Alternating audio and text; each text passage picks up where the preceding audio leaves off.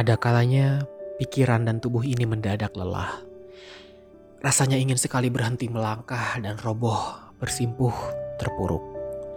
Rasanya telah melangkah jauh namun tak jua sampai. Apakah tersesat? Atau hanya digenggam penat?